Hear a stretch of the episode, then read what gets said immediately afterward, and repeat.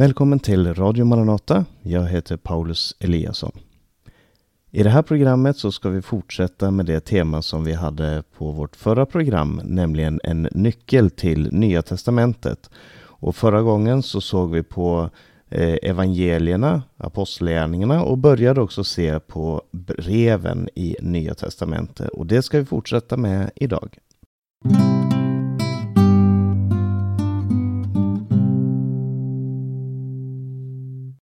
Vi avslutade förra gången med att säga någonting om hur viktigt det är med att läsa breven i Nya Testamentet i sin kontext. Vi hade sett att eh, breven, där finner vi 13 stycken av aposteln Paulus, eh, tre av Johannes, två av Petrus, ett av Jakob, Judas och så Hebreerbrevet med okänd författare. Eh, vi såg också lite hur eh, man ska förstå de här breven som skrivna till församlingar och till privatpersoner på den tiden under de omständigheterna som de levde i. Och jag började tala om hur viktigt det är att se eh, det man läser i kontext. Och jag ska ta eh, några exempel på det, hur man kan missförstå texten om man inte läser den i kontext. Och hur man kan bli eh, ja, lurad eller hur man kan bli eh, missförstå vad som står där.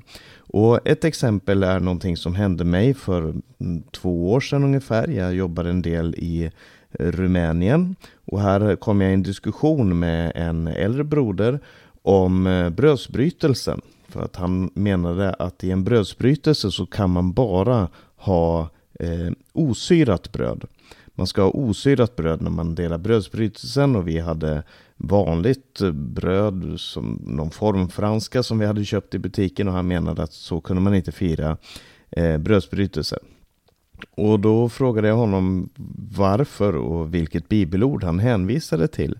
Och då läste han för mig första Korinthierbrevet kapitel 5, eller citerade det ur minnet, där det står Rensa bort den gamla surdegen så att ni blir en ny deg, för ni är osyrade. Vårt påskalamm har blivit slaktat. Låt oss därför fira högtid, inte med gammal surdeg, inte med ondskans och elakhetens surdeg, utan med renhetens och sanningens osyrade bröd.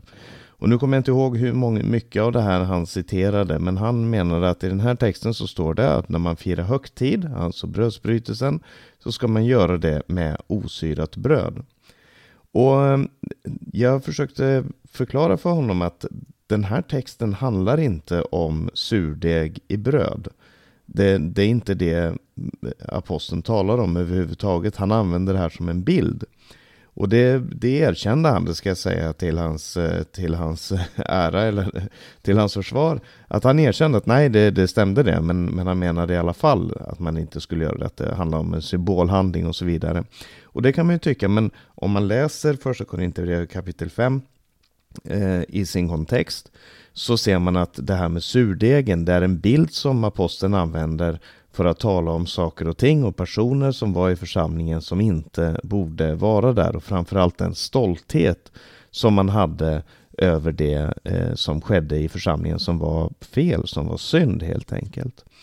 Och så man läser hela kapitlet och det kan alltid vara viktigt att göra när man hör någon förkunna någonting, oavsett om man är enig eller oenig, ta reda på är det sagt i sin kontext. Och, och, en av de kanske viktigaste texterna, det här var väl kanske lite ovanlig, men en av de viktigaste texterna som, som eh, eh, människor väldigt ofta missförstår, det är det som står i Filipperbrevet kapitel 4, vers 13. Och jag ser den här citerat på Facebook-sidor och på Instagram-poster och överallt. Eh, och, och, och, så skriver man det här eh, Filipperbrevet 4.13. Allt förmår jag i honom som ger mig kraft.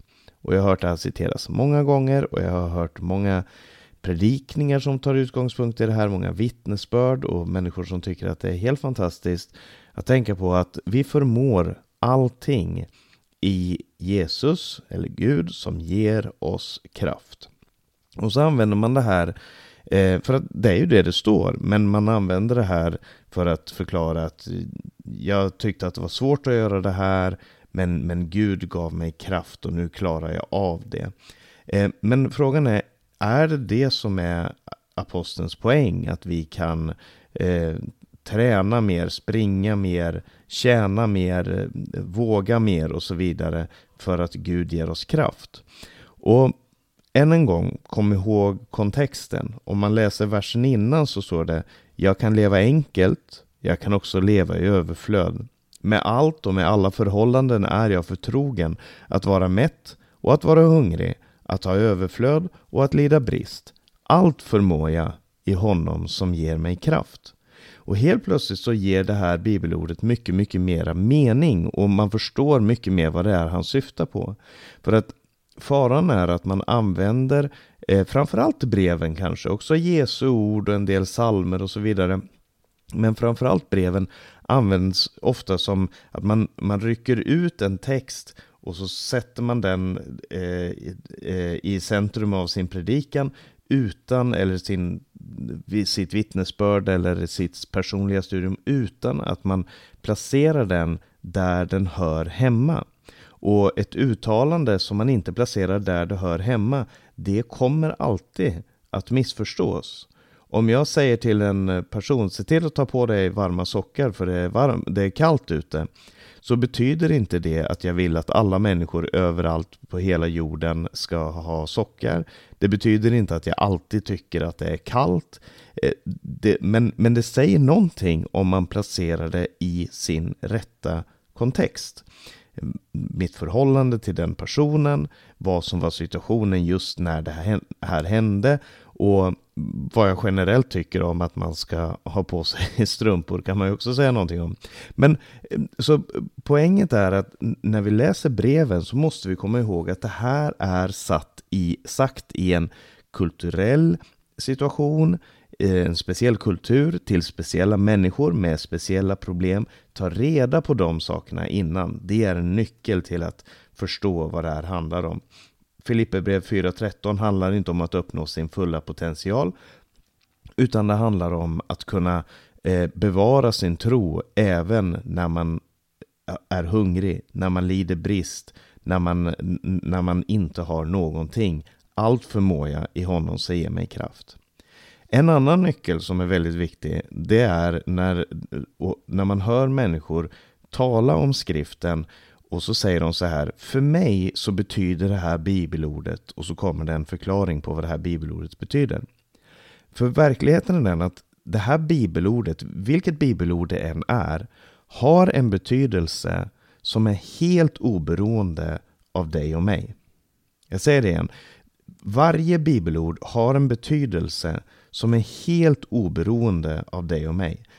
Vad betyder, fråga dig, vad hade det här bibelordet betytt om jag var död? Och Jag säger inte det för att jag inte tror att bibelordet har betydelse för dig och mig. Men det måste appliceras utifrån det, den utgångspunkten att det skrevs inte till dig och mig. För mig betyder det här, det, det, är, inte, det är inte där man börjar. Utan det, det är det som kommer till sist i en tolkning av skriften. En nyckel är inte att gå in i det här bibelordet och säga nu ska jag ta reda på vad det här betyder för mig. Det första du måste göra är vad var det författaren ville säga till dem som författaren skrev till? Det är det första. Det andra är vilken grundläggande regel kan jag lära mig utifrån det här? Vad, vad är den generella principen som ligger bakom det här påståendet? Och det tredje, och jag vet att jag sa det här förra programmet också, men jag nämner det igen. Det tredje är hur kan jag applicera det på mitt liv? Eh, så läs, sitt, läs texten i sitt sammanhang och fråga dig själv vad ville författaren säga till de människor som författaren talade till? Nästa sak som vi ska nämna någonting om är Uppenbarelseboken.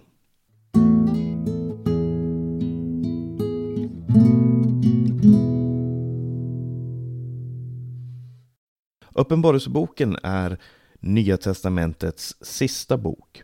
Eh, den är författad av Johannes. Det har diskuterats mycket om vilken Johannes som ligger bakom det. Eh, man, man har tänkt sig att det finns i alla fall tre olika Johannes. Eh, Johannes som, som var Jesu lärjunge, Johannes som skrev de tre breven, Johannes som skrev Johannes uppenbarelse. Jag ska inte gå in närmare på det, men jag tror att man med förtrolighet kan säga att den den kandidaten i det sammanhanget är att det faktiskt är den lärjunge som Jesus utvalde Ehm, Jakob och Johannes, ehm, alltså Jakobs bror, fiskaren ifrån Galileen. Det är han som också har skrivit både Johannes evangeliet, de tre Johannesbreven och Johannes uppenbarelse. Men hur det än är med den saken, det är ingen teologi som hänger på just det, men hur det än är med den saken så är det skrivet runt år 95 när eh, aposteln var fången på ön Patmos. Och en nyckel till att förstå Johannes uppenbarelse, eh, för att den är väldigt missförstådd genom alla tider. Eh, jag ska inte säga att den är missförstådd, eh, men den är förstådd på väldigt många olika sätt. Eh, och därför så kan det vara viktigt att tänka på vad, eh, vad är en nyckel till Johannes uppenbarelse? Det första är att förstå vilken genre den är skriven i. Som med alla andra böcker i Bibeln så är det viktigt att veta vad berättar genren om den här? Och genren är apokalyptisk litteratur. Det är huvudgenren. Du kan också säga att det är en, ett brev, för det är det. Eh, och det är flera andra saker också, men det, det är framförallt en apokalyptisk litteratur. Jämförbar med till exempel eh, Daniels bok som vi har i Bibeln. Eller Enoks bok som finns bland de gammaltestamentliga apokryferna. Och många andra liknande, jud, liknande judisk litteratur som fanns på den här tiden. En annan nyckel är att Johannes uppenbarelse skrevs under förföljelsen under Domitianus, kejsar Domitianus. Eh, om man nu tror att den är skriven på 95, runt år 95. De som, eh, det finns de som menar att Johannes uppenbarelse är skriven mycket tidigare, redan på 60-talet och i så fall så eh, är det under kejsaren Nero. Men oavsett så handlar det om att församlingarna levde under förföljelse, under motstånd. Och det är det som analyseras i den här boken. Eh, det är sju församlingar som är mottagare av de här böckerna och det får man inte glömma för att de sju församlingarna nämns i de första tre kapitlerna. Men eh, hela eh, brevet, hela den här apokalypsen, och apokalyps betyder uppenbarelse, inte världens slut. Apokalyps är en uppenbarelse av, han, han avtäcker vad som, vad som händer egentligen. Eh, det betyder inte att världen tar slut, även om Johannes uppenbarelse till viss del också handlar om världens slut. Men eh, de sju sändebreven är en nyckel till att förstå de problem som de hade i de sju församlingarna, eh, de kommer tillbaka i hela texten. Det handlar om förföljelse, hur ska man leva under förföljelse? Eh, det handlar om konflikt med världen i det stora hela, alltså hur ska en kristen eh, leva i en värld som, som gör saker och ting annorlunda? Och det handlar om risken för avfall, att man faller ifrån sin tro. Så den här Eh, boken är skriven för att uppmuntra människor som lever i förföljelse, för att avslöja vad den här världen verkligen representerar, de som, den värld som inte tror på Gud. Och den handlar om att uppmuntra människor att bevara, eh, att bevara sin tro eh, även i en värld som både motstånd eh, genom förföljelse men också med eh, människor som försöker föra en bort ifrån sin tro på olika sätt. Och det är samma mm. konflikt egentligen som du möter i Daniels bok. Det är en väldigt lik konflikt för att Daniel levde i fångenskapen i, i Babylon och Johannes uppenbarelse är skriven ifrån Patmos där aposteln levde under förföljelse. Och frågan är hur ska man kunna leva trofast i en fientlig värld? Och Johannes uppenbarelse ska inte leda till att man blir livrädd för att eh, kanske antikrist står runt hörnet och kanske det är antikrist och kanske det är antikrist. Det är inte målet med uppenbarelseboken.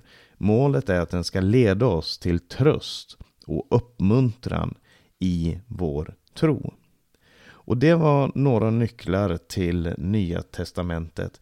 Eh, men vi har en stund kvar i det här programmet och då ska vi göra som vi gjorde med Gamla Testamentet, program om Gamla Testamentet också, ta med några viktiga frågor omkring eh, Nya Testamentets uppkomst.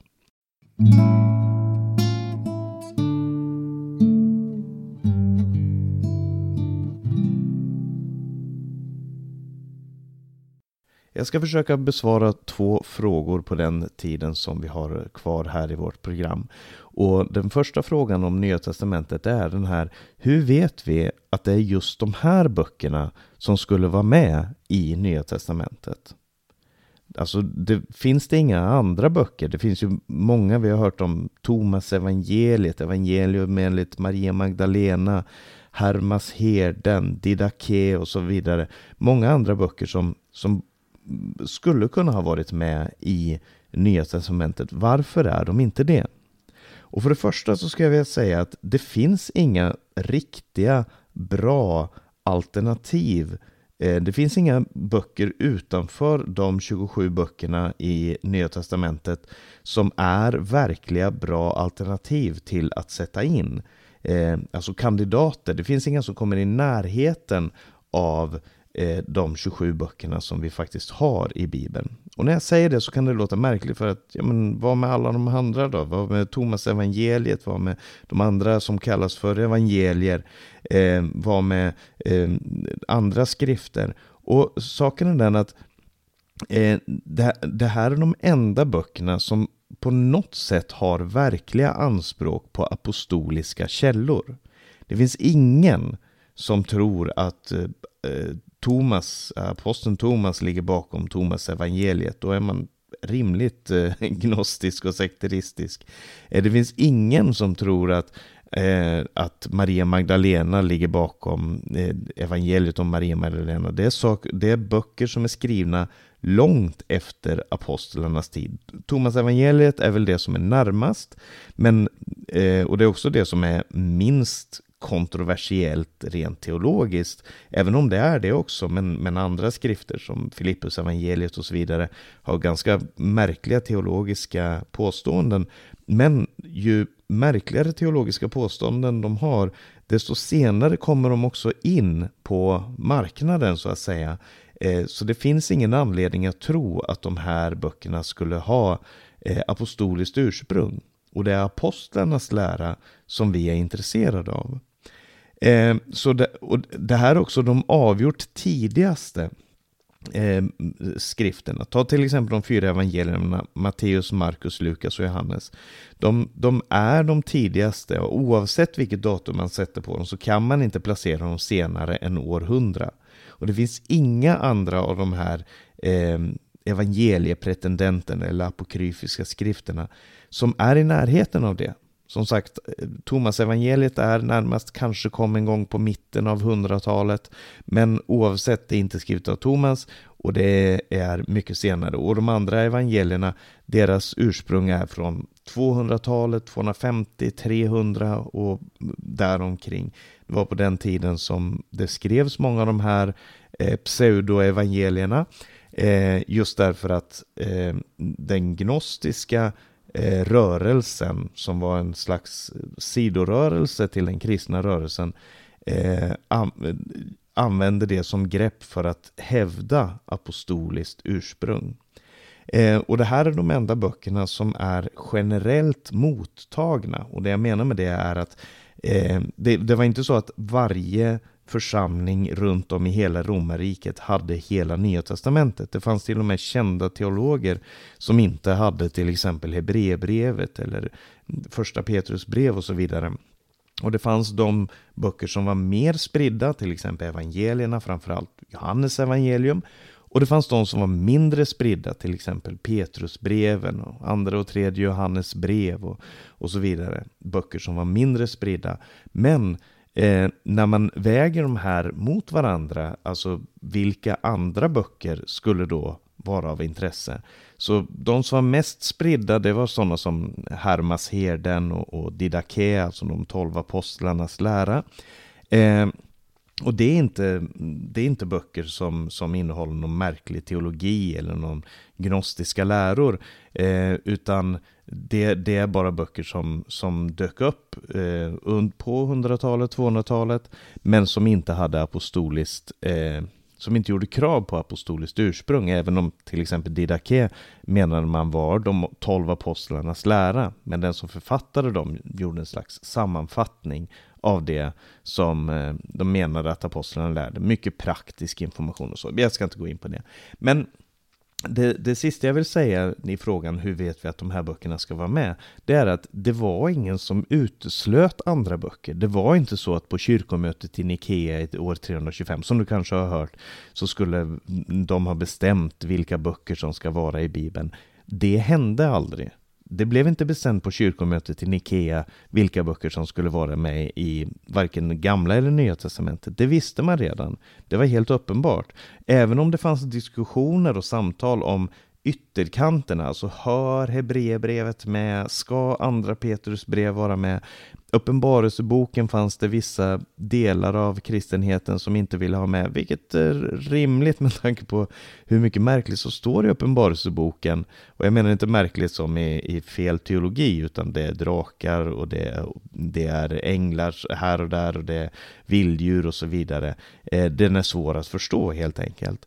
Och av den anledningen så var det många som, som valde att inte ha det med i sin kanon. Men, men det handlar om ytterkanterna. Och sen var det några församlingar som då hade med kanske Didaké, Hermasherden eller kanske till och med Thomas evangeliet eller något an, någon annan skrift som man menar att ja men det här.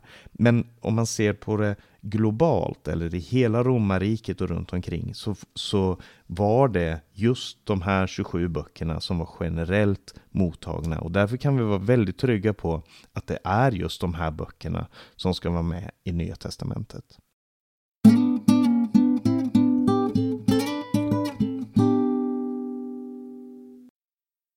Innan vi avslutar ska jag ta med en fråga till och det är frågan hur har Nya Testamentet bevarats genom tiderna? Förra gången när vi talade om Gamla Testamentet så sa vi att Gamla Testamentet har bevarats bara genom några få källor som eh, eh, Septuagintan, eh, Codex eh, Aleppo eh, och genom Döda havsrullarna eh, Peshitta och, och, vissa översättningar och så vidare. Men Gamla Testamentet är bevarat genom väldigt få källor.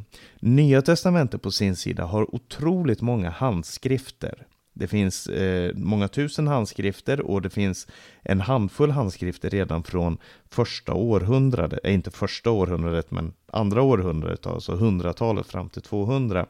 Eh, så finns det hand, en handfull eh, handskrifter och sen på 200-talet finns det lite fler. På 300-talet finns de första fullständiga biblarna, fullständiga nya testamentet som Codex Sinaiticus och Codex Vaticanus.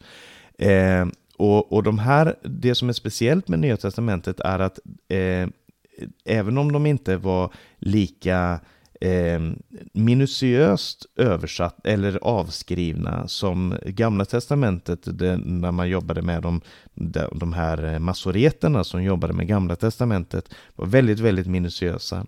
Eh, I de kristna församlingarna så var man mer eh, jag ska inte säga oförsiktig, men, men det var fler människor av olika lynne som jobbade med de här sakerna och några eh, var slarviga, några var duktiga, några eh, la till små saker, en del missade små saker. Men saken är den att vi har så mycket data spridd över så stort område att vi kan jämföra de här, alla de här olika och komma fram till vad var ursprungsbetydelsen. Så Nya Testamentet hade inte någon central styresmakt som sa att det är det här som är Nya Testamentet, det är det här som är de heliga skrifterna, utan det här spreds i en väldig fart på 100-talet, 200-talet, 300-talet, eh, så att ingen hade kontroll över det. Och vi idag kan kontrollera de här manuskripten från 100-talet, 200-talet, 300-talet, eh, jämföra dem med varandra och komma fram till vad som är den bästa översättningen. Eh, och vissa gånger på internet så möter jag det här påståendet att vi har en översättning av en översättning av en översättning av en översättning. Det är inte sant. Vi, vi har inte, det, det, finns nästan inga biblar som bygger, idag, som bygger på tidigare översättningar. Alltså, jag har i min bokhylla Svenska folkbibeln 2015 Eh, den bygger inte på Bibel 1917 års översättning som i sin tur bygger på Karl XII som i sin tur bygger på Gustav Vasa som i sin tur bygger på eh, Tysklands, den tyska eh, Lutherbibeln och så tillbaka och tillbaka och tillbaka. Det hade varit väldigt osäkert. Men varje gång som en ny bibelöversättning görs så går man till källorna, de tidigaste källorna vi har. Och det finns väldigt bra eh, verktyg för det. Eh, som till exempel för Nya Testamentet så finns Nestle Alans grekiska text Eh, och, och, United Bible Society ger ut en grekisk text också som bibelöversättare använder och där de kan se vad säger handskrifterna från 200-talet, vad säger handskrifterna från 300-talet och så vidare. Och det är det man går tillbaka till och anledningen att vi har så många olika översättningar, det kommer jag säkert till att tala om någon annan gång också, men det är framförallt för att vårt språk förändrar sig och för att grekiska inte nödvändigtvis går att översätta på ett sätt Eh, utan det kan vara på olika sätt. Man kan använda olika språk direkt för att uttrycka det som Bibelns författare sa.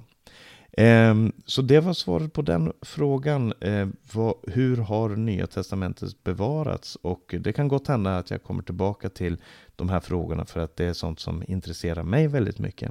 Men vi ska, ehm, jag tror vi ska avsluta med det och så ska vi höra några sång, en sång och eh, ska få några avannonseringar också. Och sången som vi ska lyssna på det är en sång ifrån Rumänien. Jag befinner mig just nu när jag spelar in det här i Rumänien tillsammans med församlingarna här.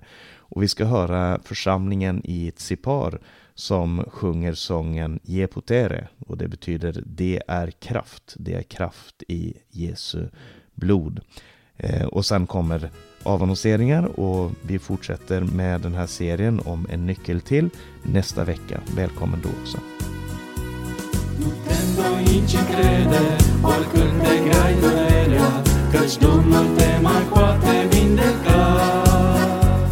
La El este puterea, la El e mângâierea, El știe cât de grea e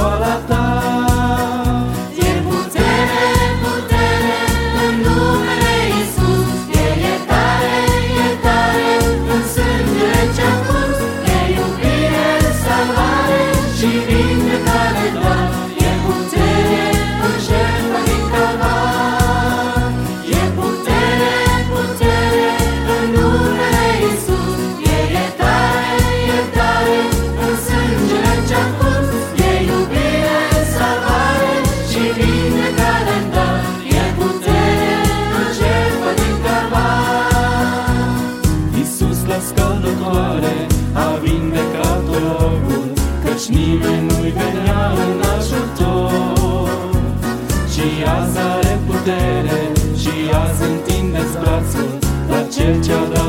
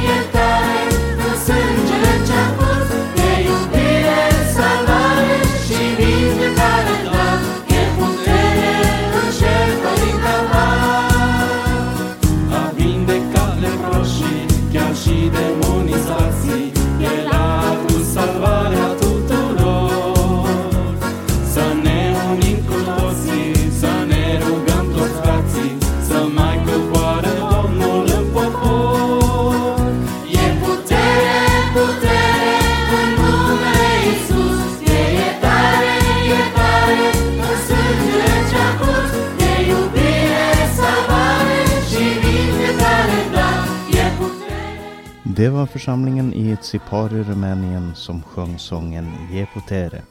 Du har lyssnat till ett program ifrån Radio Maranata Stockholm med mig Paulus Eliasson. Vi sänder över Stockholms närradio 88 MHz och de här programmen läggs också ut som podcast på till exempel Acast eller Apple Podcast. Om du har några frågor eller kommentarer, någonting du undrar på över det här programmet så får du gärna skicka en e-post till info.maranata.se eller så kan du ringa 070-201 60 20. Gå gärna in på vår hemsida maranata.se. Där kan du höra programmen och se Radio Maranatas övriga sändningstider och mycket annat. Eh, och om du satte pris på det här programmet så säg det gärna till någon annan. Berätta gärna för någon om programmen och sprid Guds välsignelse till alla och så hörs vi igen om en vecka.